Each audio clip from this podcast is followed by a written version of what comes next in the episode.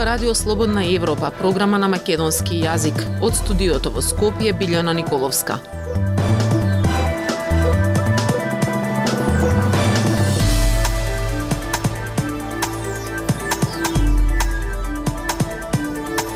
Во денешната емисија на Радио Слободна Европа ќе слушате Антикорупцијска иницира истрага за дупот за бензиската на Пуцко Петрол – климатски промени, житните култури се намалуваат до 50 од 100.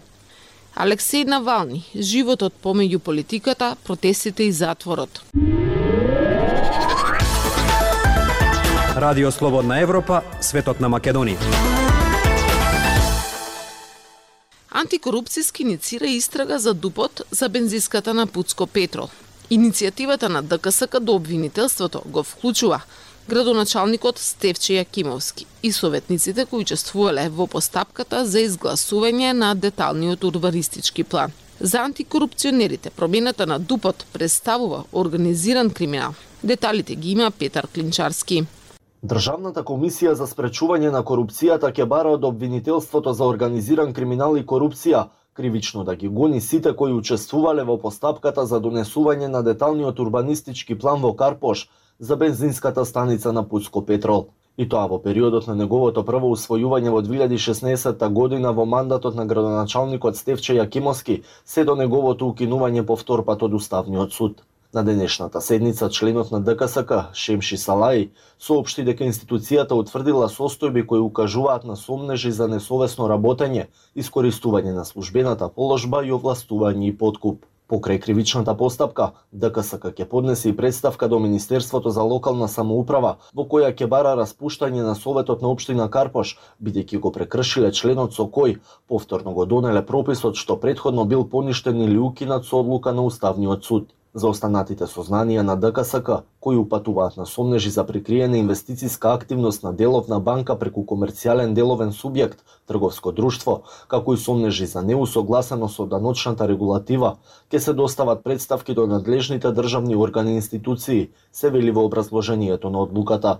Предметот е оформен во март 2022 година. Документацијата која ја собрала ДКСК од голем број институции, меѓу кои Обштина Карпош, Државното правобранителство и Управата за јавни приходи, покажала дека Обштината Карпош донела два идентични дупови, кои не се усогласени со генералниот урбанистички план на главниот град. Градежната парцела била продадена на Пуцко Петрол. Компанијата не успеала да ги обезбеди потребните документи во предвидениот рок за изградба на бензинска станица. Поради укинувањето на првиот дуб, покренат бил судски спор за надомесна штета. Барано е надомесна изгубена добивка со примена на динамична метода, иако бензинската станица не била изградена. Во текот на судскиот спор, од страна на Обштина Карпош, иако требало да достави вештачење за причинско-последичната врска помеѓу штетниот настан и изгубената добивка, ова вештачење било доставено со задоцнување.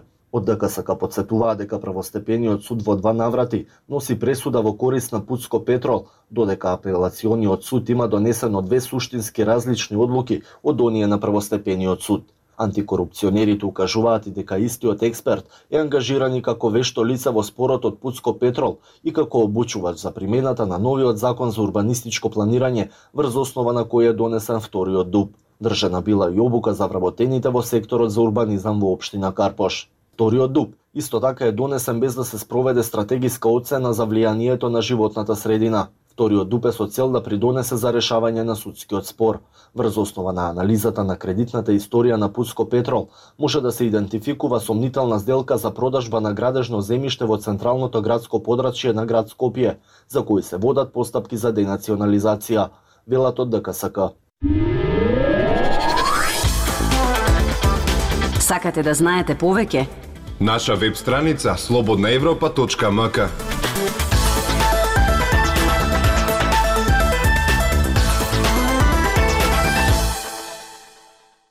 Периодот на големи количини дошт, а сега и екстремно високи температури прават големи штети врз земјоделието во Северна Македонија. Кај некои житни култури посевите се намалени од 30 до 50 од 100 велат земјоделците за расе. Овие непогоди ке зачестат, а на тоа треба да се подготват и градовите. Прилог на Владимир Калински. Земјоделците во земјава се соочени со тешка ситуација за време на жетвата на житните култури, откако земјата беше прво погодена од големи количини дожд во пролетниот период, од големата влага во почвата, житото, пченицата, јачменот и другите култури фаќаат болести. Стевче Јордановски е земјоделец од Прилеп кој вели дека екстремните временски услови предизвикани од климатските промени веќе години наназад предизвикуваат загуби во земјоделските приноси. Оваа година особено се погодени житните култури, бидејќи пролетта беше доста врнежлива и кај нив се јавиле многу болести, поради што во многу случаи приносите се доста намалени, објаснува тој, додавајќи дека намалувањето зависи од регион до регион, почвата и обработливата површина, но дека загубите годинава достигнуваат од 30 до 50 проценти. Ако зборуваме за жито, за пченица и други житни култури, јачме, не знам и други житни култури, кај баш проблемот настана со врнежите. Голем прилив на, на дожд, на вода и, и долг временски период траеше. А за другите култури, сега што се пролетните култури, пак кај проблемот ќе настане сега со жештината. Вели Јордановски за Радио Слободна Европа. Во Македонија во пролетниот период имаше многу дождови, а периодов има високи температури кои некои денови беа над 40 степени но истовремено голем број европски градови беа под удар на силни невремиња и поплави, но и на топлотни бранови и високи температури кои годинава ги уриваат рекордите. Силни невремиња ги погодија Словенија, Хрватска, Србија, Босна и Херцеговина, освен земјоделските култури, во земјите беа направени големи штети врз имотите и критичната инфраструктура во градовите. Метеоролозите предупредуваат дека за ваквите екстремни временски настани придонесуваат климатските промени и дека тие само ќе зачестат во иднина. Регионот и Северна Македонија се исклучително ранливи на климатските промени и во моментов ги трпат последиците од нив, укажуваат и активистите од граѓанската организација Екосвест. Оттаму посочуваат дека во моментов државата не издвојува доволно финансиски средства за справување со штетите и загубите. И развиените и помалку развиените земји се изложени на штетните влијанија вклучително врз населението, бизнисите, критичната инфраструктура, природата и животната средина. Климатските промени се предизвики за архитектурата и урбанизмот, бидејќи тие мора да се земат предвид во планирањето на градовите и другите населени места, вели архитектот Мишко Ралев, председател на Асоциацијата на архитекти на Македонија. А, на вистина а, е голем проблем и индустријата и градежната индустрија како производство на конструкции материјали, проектирањето, планирањето на градови и на и на населени места треба да ги прати а, овие и а, сметам дека дека тоа е всушност иднината на развојот на архитектурата и урбанизмот. Вели Ралев, за тоа што ќе се случува во Северна Македонија и регионот, изработени се сценарија за наредните 30 до 50 години во повеќе домашни и меѓународни студии. Дайте ни 15 минути и ние ќе ви го дадеме светот. Слободна Европа.мк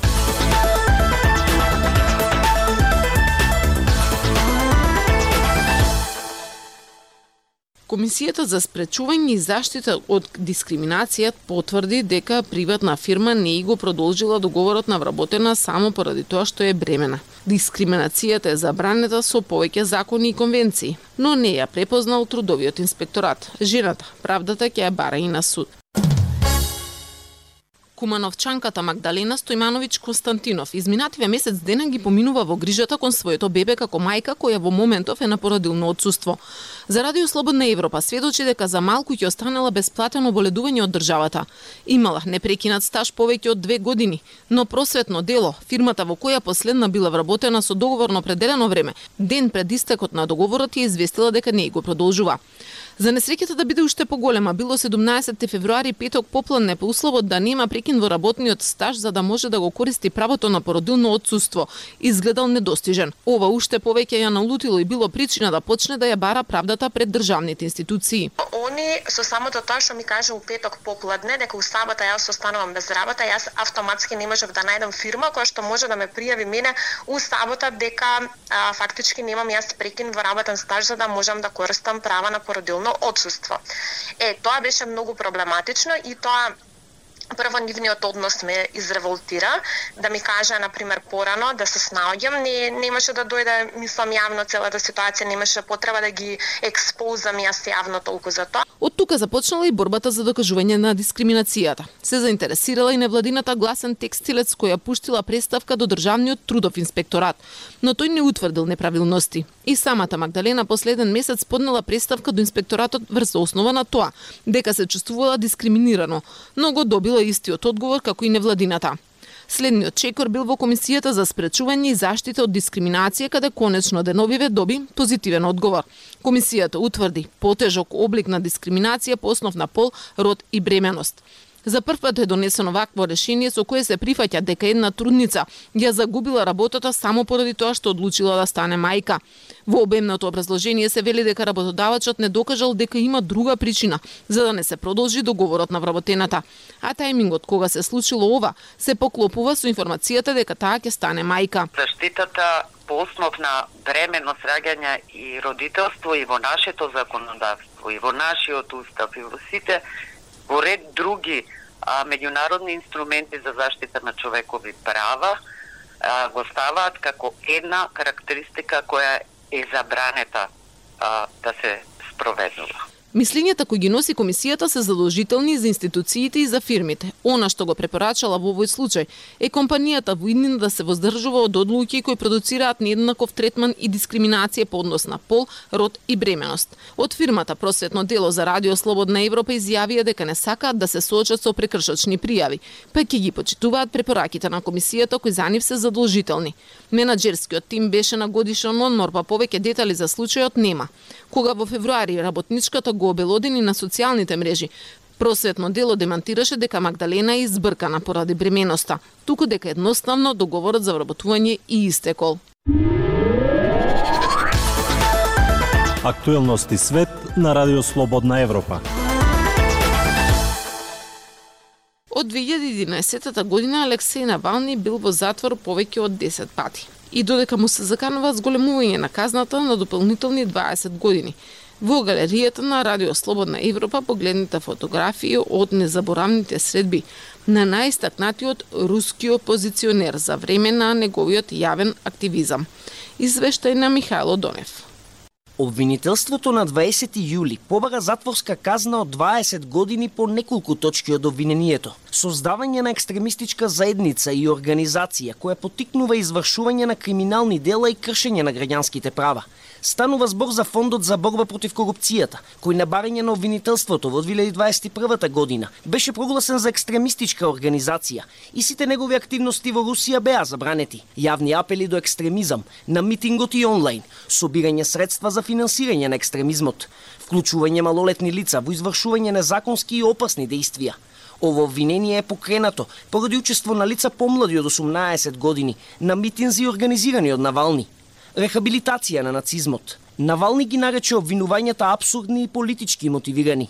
Тој посочи дека овие обвинувања, како и сите пред нив, се измислени за власта да го оддалечи од јавниот живот и политиката. Во последните зборови од затворскиот суд пред изрекувањето на пресудата, Навални ја осуди инвазијата на Украина и изрази надеж за еднината на Русија. Навални на социјалните мрежи изјави дека очекува казна од 15 до 20 години затвор и покрај како што тврди бесмислените докази, презентирани за време на неговото судење зад затворени врати, вклучувајќи текстови на раперот Моргенштерн и криптоплата, што се обидува да го поврзе со американскиот милиардер Ворен Бафет. Исто така, иако обвинителите бараат 20 години затвор за обвинението за екстремизам.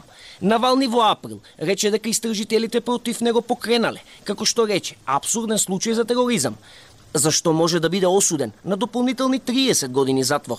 Не беше јасно на што може да се однесува случајот со тероризам, но Руската федерална служба за безбедност соопшти дека Украина и руските опозиционери од фондот основан од Навални стојат за убиството на истакнатиот руски воен блогер. Тероризмот во Русија се казнува со затвор до 35 години. Ја слушавте емисијата на Радио Слободна Европа, програма на македонски јазик.